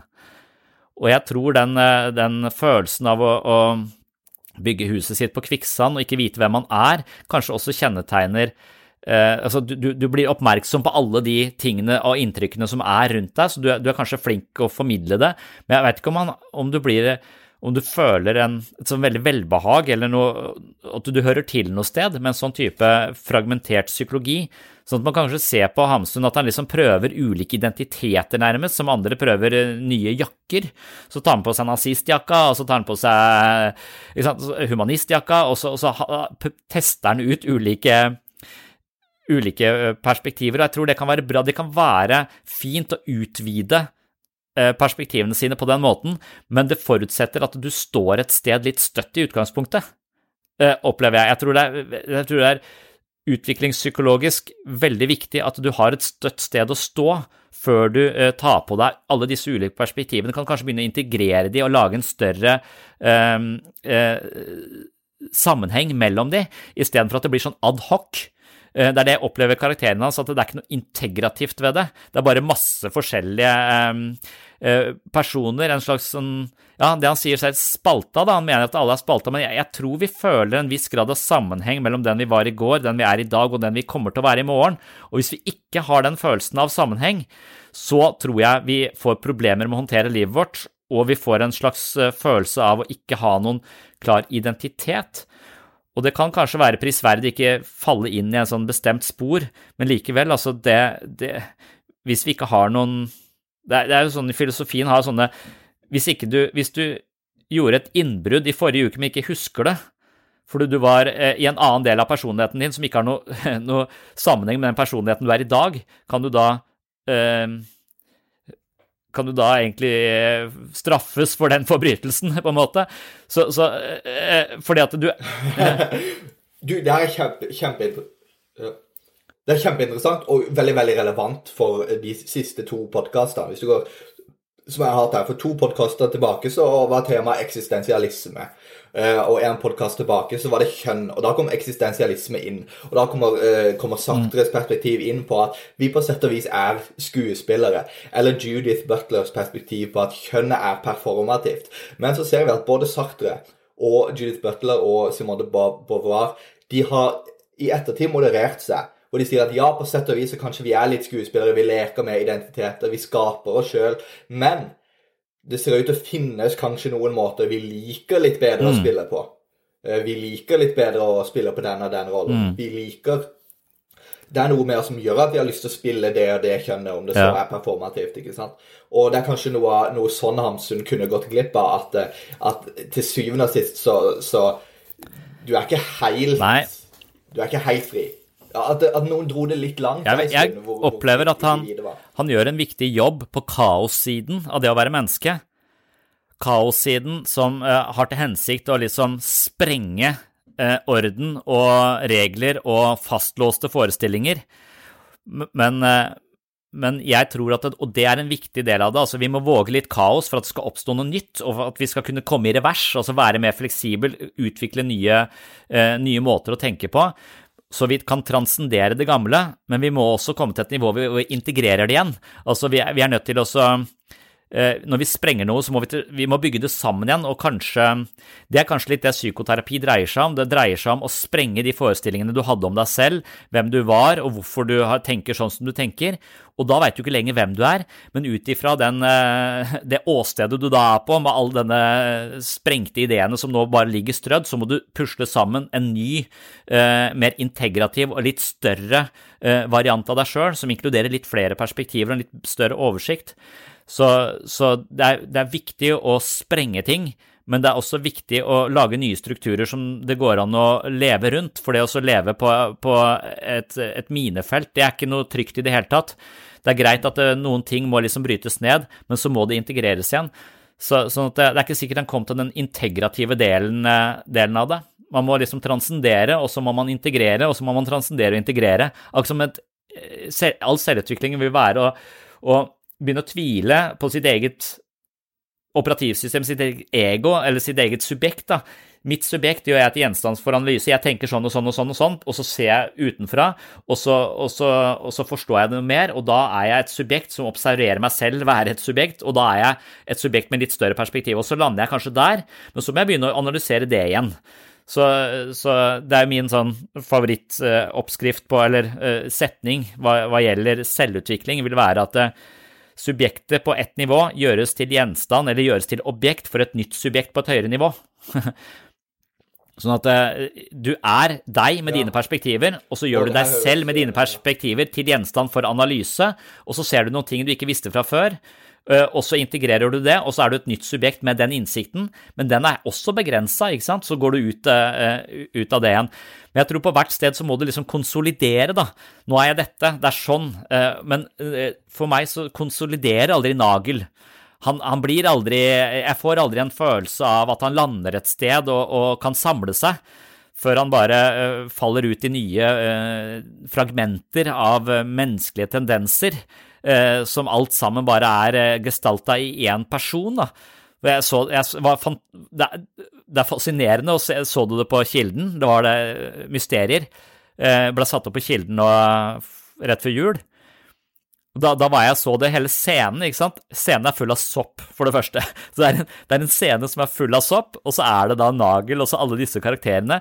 I taket så henger det en, en hest på størrelse med en lastebil, eh, som langsomt kommer ned på gulvet utover i forestillingen, hvorpå Nagel blir født ut av rumpa på hesten på et tidspunkt senere. Så det er bare sånn Det er, to, det totalt absurde. Der skal du ikke klare å finne noe sånn eh, følelse av gjengklang gjenklang, da, eller, eller forståelse, for den, den utfordrer eh, det vante. Og det var vel liksom idealet, å utfordre disse mer sånne patriarkalske, fastlåste rammene, og så sprenger ja. de det. Men så må vi også finne et sted hvor det er mulig å å sette det sammen igjen til en større, uh, en større helhet. Ja. ja. Ja, jeg er enig med deg. Og jeg tror vi begynner å komme til et punkt nå hvor vi, kan prøve å samle litt tråder. Uh, før, men aller først bare akkurat veldig kjapt angående Knut Hamsun, så er vi vel likevel enige om at i dag når vi ser tilbake på det, så var det feil å, å regne han som uh, utilregnelig. Sånn mentalt utilregnelig. Det, var det en tabbe, eller? Um, ja, jeg, jeg, vil si at um,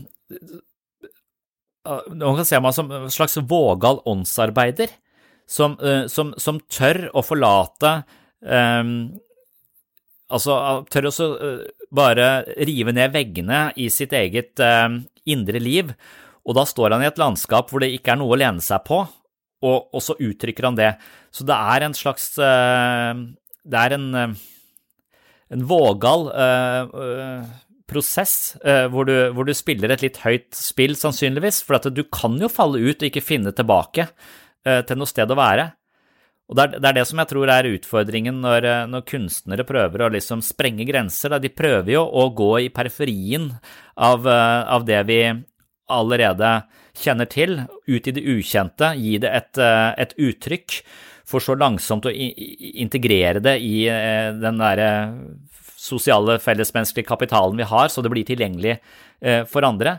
Så, så, så, for meg så er jo Hamsun en vanvittig vanvittig betydningsfull forfatter som eh, det å kunne gruble på nagel, det gir meg masse. Det gir meg en følelse av sånn fremmedhet og frykt, samtidig som det er noe pirrende og engasjerende, og jeg skjønner de ulike trekkene, jeg kan kjenne på de, men, eh, men, men den mangelen på sammenheng gjør meg også litt skremt, da. Men det, det er jo nettopp den frykten der å våge å gå ut, litt utenfor, som også Det er nesten som en slags eksponeringsterapi, en slags åndelig eksponeringsterapi, å lese eh, Nagel, for eksempel. Mens det å lese Markens grøde er, noe helt annet igjen. Det er liksom å sette seg inn og Da føler jeg at mennesket blir et dyr. Mennesket har ikke noe språk. Mennesket sier ingenting når denne Isak fra Sellanrå bare går rundt og, og, og er altså en mann uten, uten språk. Han, han, har ingen eh, han, han, Av en eller annen merkelig grunn så får han en kone, og så skal hun så, Men så ser han kanskje at kanskje hun er gravid blitt, så, men han, han, sier det aldri til henne. Men plutselig når han kommer hjem en dag, så er det et barn der, og da har hun vært ute i bekken og født. De snakker ikke sammen. De har ingen psykologi. Eh, de har, de har ikke noe språk på hva som foregår eh, inni inn seg. Mens vår moderne verden liksom er så full av språk på 'jeg føler det sånn, jeg føler det sånn, jeg føler det sånn', så er dette fra en helt en helt annen tid, en helt annen Eh, opplevelsesmodus, som også fascinerte meg dypt og inderlig å lese eh, Markens grøde. Det er kjempeinteressant. Her ser vi jo, her ser vi jo overlappet mellom eh, genialitet og galskap, eller hva enn det måtte være. Uh, en ting som, uh, som, jeg, som, jeg, som, jeg, tenker på, er at Noe jeg tenkte på veldig lenge, var det at jeg syns aldri folk prata mye om ting som hvor merkelig det er hvor, bare, hvor merkelig det egentlig er å eksistere. Liksom bare sånn, Hvor rart det er å være liksom en apekatt som vandrer rundt og stiller eh, filosofiske spørsmål i denne kroppen som man kan bevege hvordan man vil. Og, og en stund så, så var det som jeg hadde så mange tanker inni mitt hode som jeg trodde at ingen andre hadde. Som gjorde at jeg på en måte trodde at jeg var, jeg var gal. Jeg var litt sånn redd for å egentlig oppsøke noe hjelp også, for i tilfelle de kunne avdekke at jeg, jeg, var gal. Og så har det etter hvert gått opp for meg at uh, via samtaler at det, det, er så mange ting som alle tenker på. Eller som kjempemange folk tenker på, som ingen, uh, som ingen tror at de andre tenker på. For eksempel så var det en gang jeg tok opp med en psykolog at uh, der jeg bodde på dette tidspunktet, så var jeg ofte veldig redd for å gå til heisen.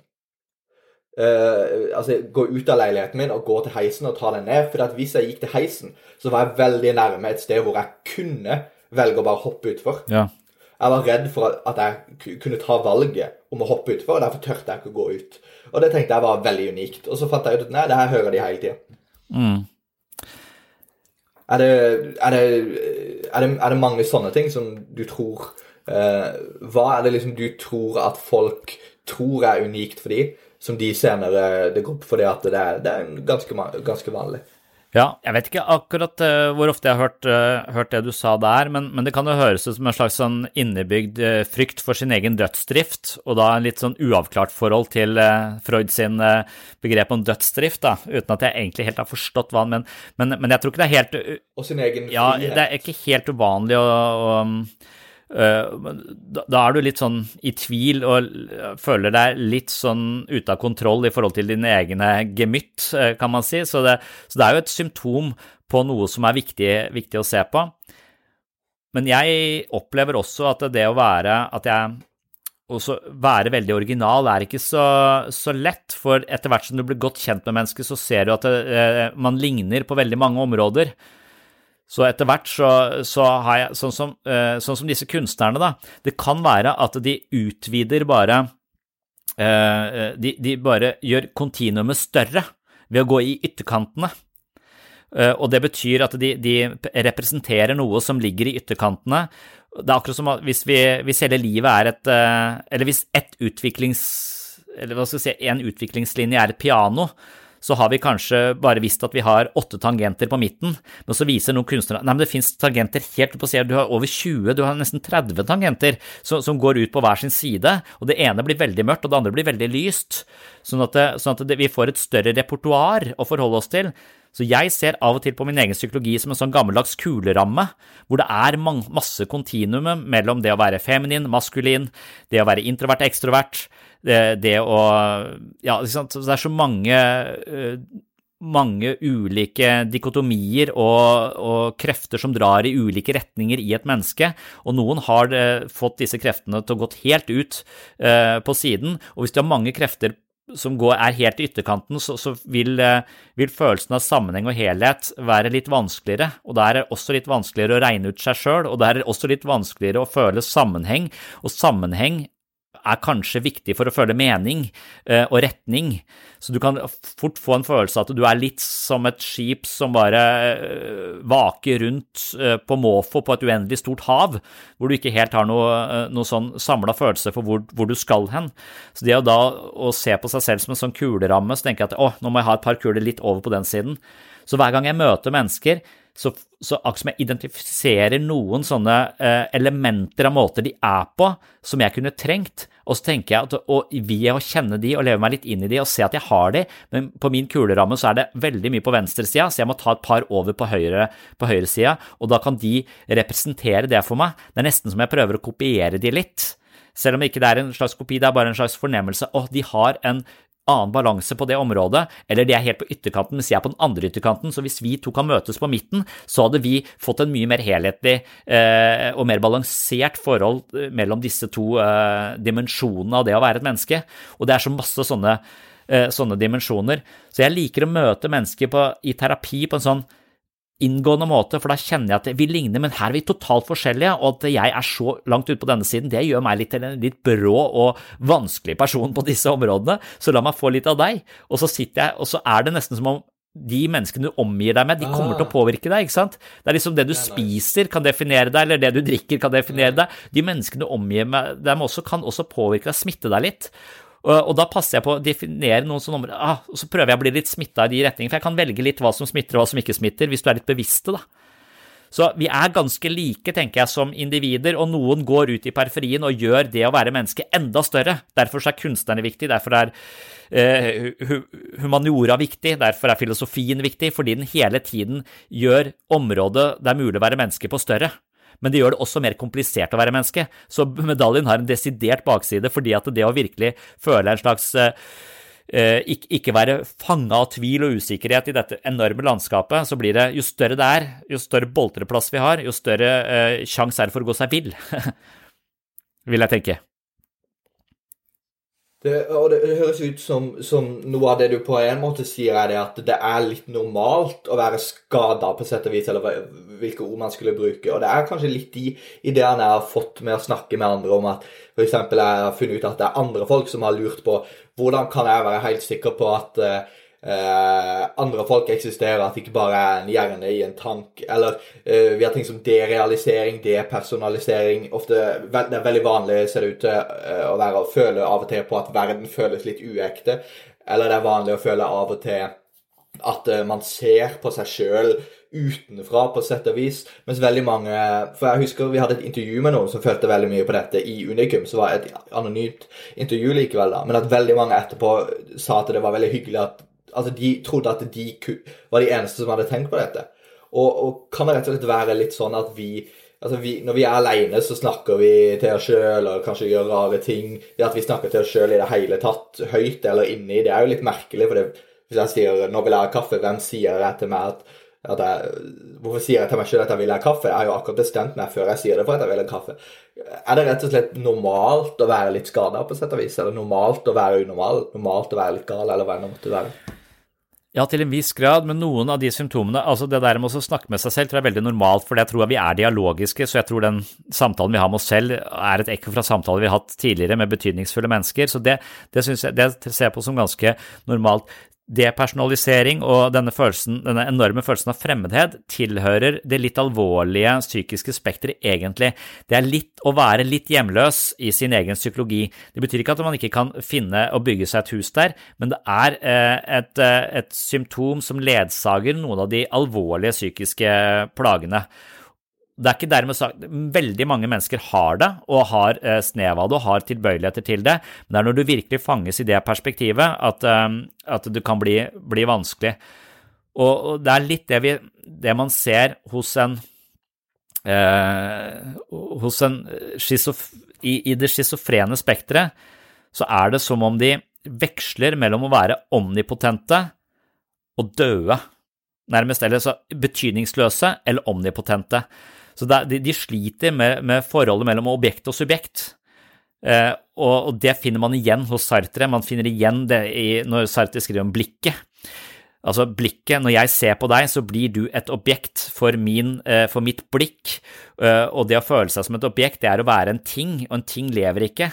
Eh, så, så, så, da er du og, og, mennesker kan aldri egentlig møtes to subjekter, for det at hver gang jeg har på en måte overtaket, så er jeg, gjør jeg, er jeg subjekt og gjør deg om til objekt, og så skifter det, så gjør du meg om til uh, til objekt. Så, så, så, to subjekter er ikke Og det er akkurat denne spenningsfeltet kan du gjøre med deg selv også. Du kan føle at du er den som observere verden. Verden eksisterer egentlig ikke, den er bare et produkt av min, eh, min måte Den er produkt av min syke.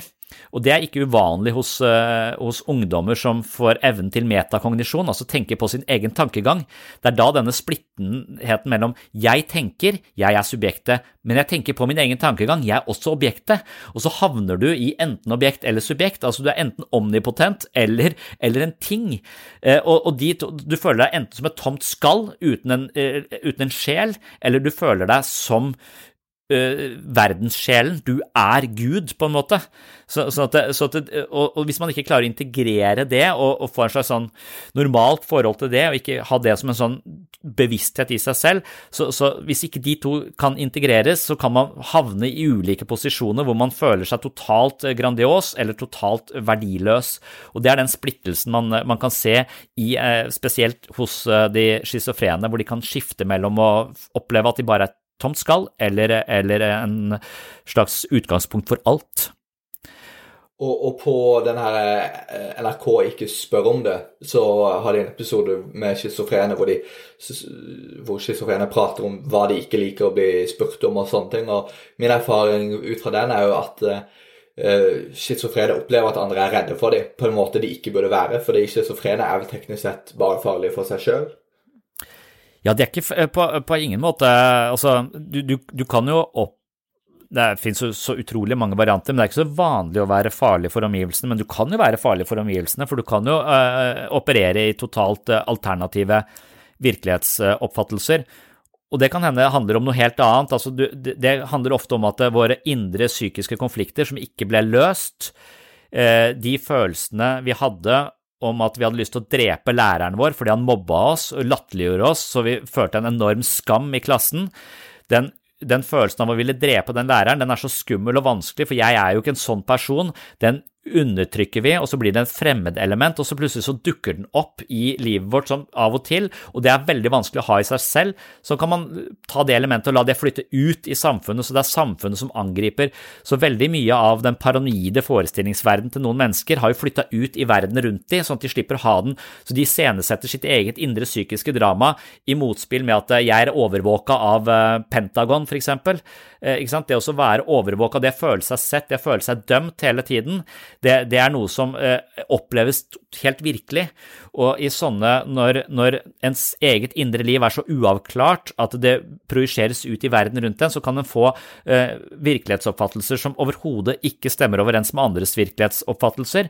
Og det kan jo hende at noen få tilfeller er geniale, men veldig mange av de er bare en slags projeksjon av egne eh, uavklarte følelser rundt på verden, og da kan man jo gå til angrep på noe som ikke man skal gå til angrep på, og det kan være farlig, men det er veldig veldig sjelden. For stort sett handler det om veldig veldig, veldig mye frykt, eh, og en frykt man ikke klarer å bære, så man, eh, så man gir frykten et ansikt fordi man ikke forstår dybden i sin egen frykt. Og psykoterapien vil være å skape sammenheng og forståelse for sin egen uavklarte frykt, aggresjon osv. Men hvis du ikke det, får den hjelpen, så, skal, så projiserer du ut, og så er du redd fordi du blir overvåka av Pentagon, og det er droner rundt som skal bombe deg, så du bør være på vakt, og da er det jo eh, adekvat da, å gå rundt og føle seg engstelig, ikke sant? Men hvis du føler deg så engstelig at ting som folk rundt deg ikke skjønner, så kan du være som en hund som er redd, ikke sant, så skal du bare bort og klappe den, så skjønner den ikke at du har en vennlig intensjon, den tror du er ute etter å ta den, og så, så glefser den. Så Det må være det som er, er farlig, men det, det, er jo veldig, veldig sjeldent. Ja, og Kan det være at det er litt for mye Nå ser vi snart er ferdig. Kan, kan det være det er litt for mye eh, stigma rundt uh, rundt uh, schizofreni og bipolar lidelse og sånne ting? Altså, jeg vil, jeg vil jo si f.eks. at uh, når jeg offentliggjorde at jeg hadde bipolar lidelse to, da, det er jo det, det, så syns jeg likevel at noen Det så ut som noen behandla meg litt annerledes etterpå det. Som om at uh, som det er stigma rundt noen av disse tingene hvor, hvor um... Ja, akkurat rundt bipolar lidelse så, uh, så, så, tenker jeg Eller at stigma vil være i den forstand at man, man, opplever Hvis man opplever deg som totalt ut av karakter, som man opplever nagel, ikke sant, så, så vil det være vanskelig Altså, vi, vi, vi mennesker er veldig opptatt av forutsigbarhet, så vi liker å spille spill fordi at vi kan bemekte berettige oss fremtiden og forståelsen av fremtiden ved å regne, regne, ut hva som kommer til å skje. Det er derfor vi liker å spille spill, for det har regler vi kan forholde oss til, som at vi kan på en måte predikere fremtiden. Og det liker vi også i møte med andre mennesker, at jeg vet hvordan du er, så jeg kan forberede meg litt på å møte, møte deg. Og hvis jeg føler en viss sammenheng i det over tid, så vil det være forutsigbart og trygt, og så kan man utfordre litt derfra. Men, men stigmaen og, og, frykten vil være hvis man plutselig havner helt ut av, um, uh, av karakter. Og, men, men, for meg så er det med bipolar lidelse verst fordi at det har denne biologiske undertonen. Og jeg nekter å, å, på en måte være et offer for biologi. Og jeg vil ikke at andre skal Det, det narrativet hvor du er liksom Det er nevrokjemisk ubalanse, det kan du ikke noe for. Jeg tror du kan skape balanse ved å være mer oppmerksom på det, ved å, ved å ta forhåndsregler, sånn som jeg selv gjør, ikke sant, for ikke gå for høyt. Og så at jeg at det er en treningssak, noe som jeg eh, må trene på, og som er eh, interessant å trene på for så vidt også, men deler på alle områder som må ha denne balansen. Så, så, så det at man eh, har fått definert det eh, som noe, men det er fortsatt noe det, det, er kun godt å definere det hvis du skjønner ah, det, for, det, gir meg større innsikt i min egen fungering og større redskaper for å uh, passe på å holde en god balanse som gir meg best mulig livskvalitet, som gir meg til en best mulig person som jeg ønsker, sånn jeg ønsker å være. ikke sant? Så, så men det, jeg tror at, at, folk vet litt lite om hva det innebærer, sånn at det er litt vanskelig å forholde seg til. Men, men jeg, er, jeg, liker jo ikke ja, jeg liker ikke diagnoser for, nettopp fordi jeg syns det er så mange likhetstrekk. Ved, ved det, det, er bare en liten sånn uh, det, Overlapp? Ja, det, overlapp. Det er bare litt, litt normal pluss pluss, liksom. Det er, dette fins i andre mennesker, bare at det er litt uh, overdrevent, så du bare justerer litt, to knepp ned der, ett knepp opp der, sånn som alle mennesker egentlig driver med hele tiden. Så det, det å kalle det en sykdom er farlig for meg. Det er ikke en sykdom, det er en, u, en liten ubalanse. Du, det, det, er veldig mye mening, og det leder meg til det jeg tenker er det siste spørsmålet jeg, jeg egentlig har, da, som jeg tror er veldig oppsummerende for, for Som er på en måte dette da med uh, normal, unormal, eh, gal, ikke gal, eller hva man altså, er dette et strengt binært fenomen som kan settes i bokser, eller er dette et flytende eller gradvis grått fenomen? I hvilken grad er dette et spekter kontra å være gal, ikke gal, normal, ikke normal?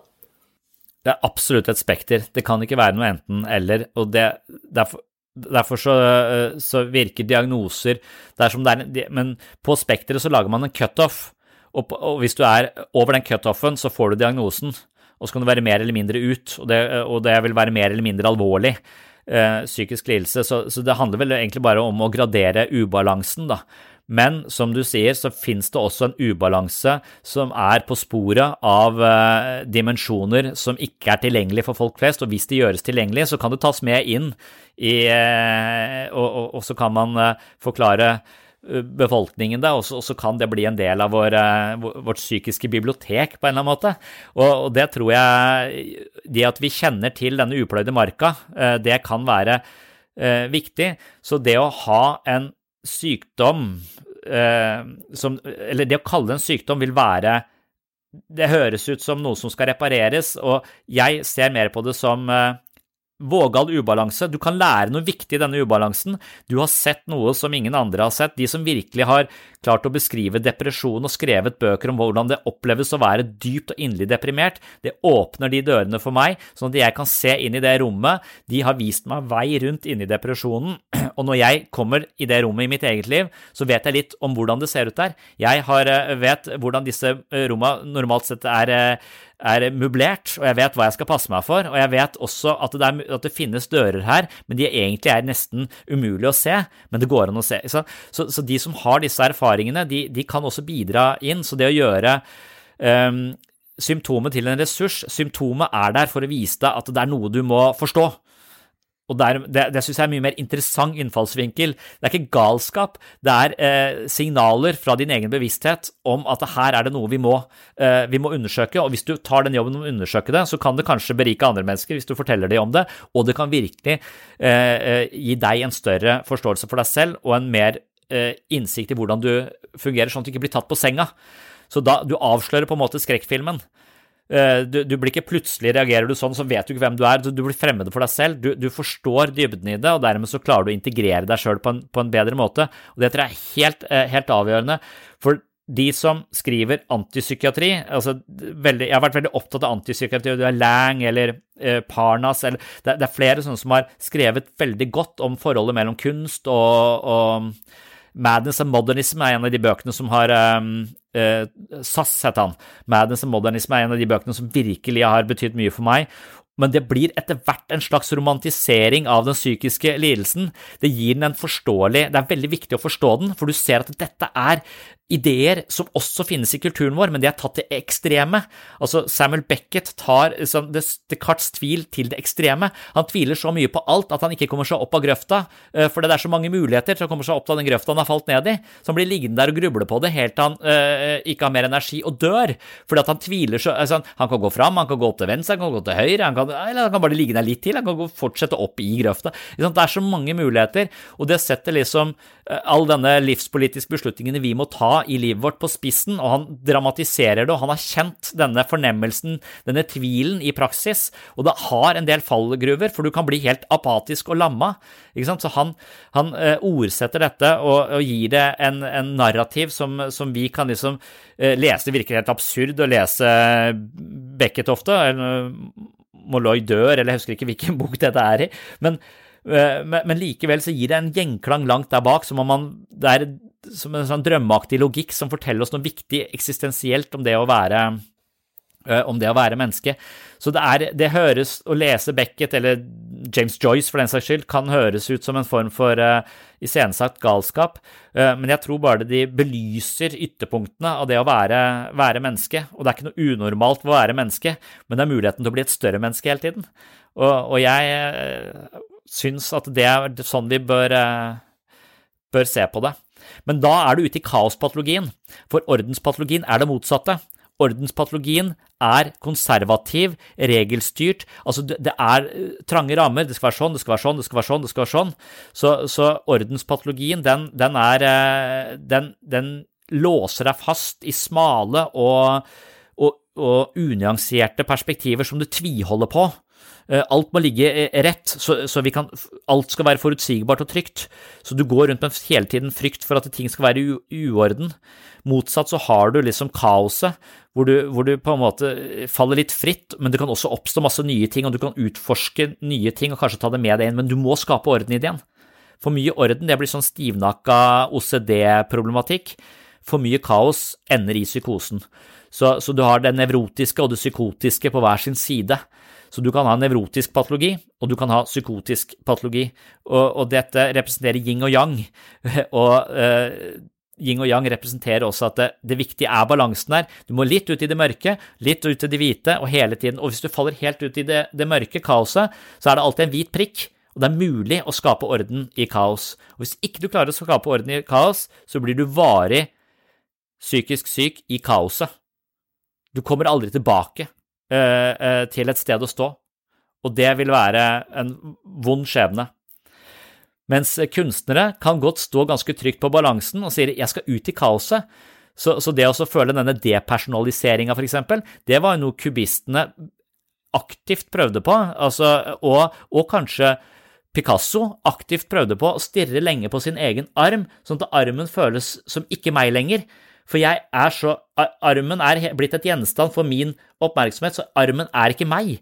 De, de får en sånn fremmedhets... De, de gjennom meditasjon, rusmidler osv. prøvde å, å, å, ja, å distansere seg, gjøre seg selv om til et uh, objekt. Og, og, ja, så, så, alle disse trekkene finnes i, i filosofien, i kunsten, i kulturen, og så ser vi det igjen i uh, psykiske plager. Uh, følelsen av å ikke være noe, være ingenting, eller følelsen av at alt ansvar for at livet i det hele tatt går framover, det er det jeg som tenker. Så hvis jeg slutter å tenke, så slutter livet å eksistere. Så jeg må tenke hele tida. Voldsomt mye ansvar. Så ja. Så det man må ha, er et sinnssyn, et godt sinnssyn? Man må ha godt sinnssyn, eh, sånn at man eh, kan finne tilbake til et sted å stå med det man har opplevd. Men man kan tenke at eh, det å gå på den smale sti kan være litt kjedelig. Så det å av og til ha en eh, psykisk lidelse eh, å bryne seg på, det kan jo skape større dybde, hvis man ser på det på den måten. Men det gjør man ikke, fordi at psykisk lidelse som regel er tufta på frykt. Og frykt, da er du ikke veldig nysgjerrig. Men hvis du klarer å møte frykten med nysgjerrighet, da har du vunnet. Ja, nydelig. Jeg legger inn eh, Jeg legger inn en reklame for uh, syn på, på slutten og, og alt dette. Um, det var Men det følte jeg, der følte jeg vi fikk en veldig fin måte å, å avslutte det på. Uh, så um, tusen takk ja, for at du har uh, vært, med, vært, med, her i dag. Og, og, det har vært en utrolig interessant samtale. altså. Det har vært ja. kjempebra. Så det tror jeg folk mm. kommer til å elske. Takk for at du hørte på Sinnsyn. Takk til Vegard Møller for en hyggelig samtale om eh, galskap. Og takk til eh, alle dere som støtter podkasten via Patron. Jeg gidder ikke å si så mye om det i dag, men eh, alle som følger Sinnsyn, vet at jeg har en Patron-konto hvor man kan få tilgang på ganske mye ekstramateriale fra Sinnsyn ved å tegne et abonnement. Og de som har et abonnement på Patron, de støtter også dette prosjektet og sørger for at jeg kan holde eh, podkasten gående hver eneste uke. Tusen hjertelig takk for den støtten jeg får via Patron. Tusen hjertelig takk for alle hyggelige tilbakemeldinger jeg får via mail eller andre ja, tilbakemeldinger i sosiale plattformer eh, på ulike måter. Det er mange som eh, kontakter meg, og det er mange jeg får svart på, men mange jeg også ikke får svart på. Men jeg leser alt som kommer min vei, og jeg får veldig mange hyggelige tilbakemeldinger, og det setter jeg utrolig stor pris på. Det var det for denne gang. På gjenhør i neste episode.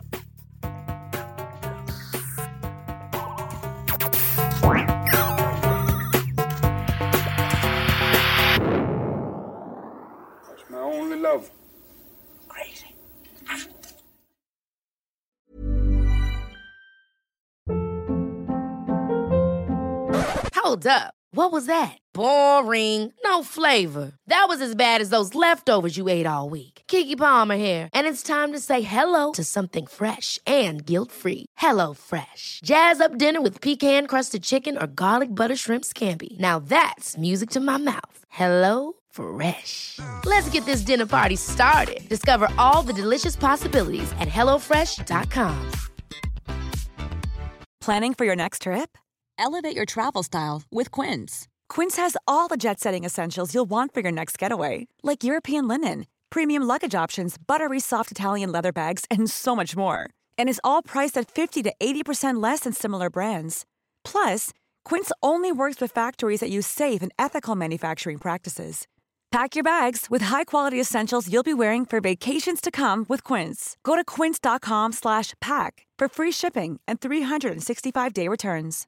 Imagine the softest sheets you've ever felt. Now imagine them getting even softer over time. That's what you'll feel with Bowl and Branch's organic cotton sheets. In a recent customer survey, 96% replied that Bowl and Branch sheets get softer with every wash. Start getting your best night's sleep in these sheets that get softer and softer for years to come. Try their sheets with a 30-night guarantee. Plus, get 15% off your first order at bowlandbranch.com. Code BUTTERY. Exclusions apply. See site for details.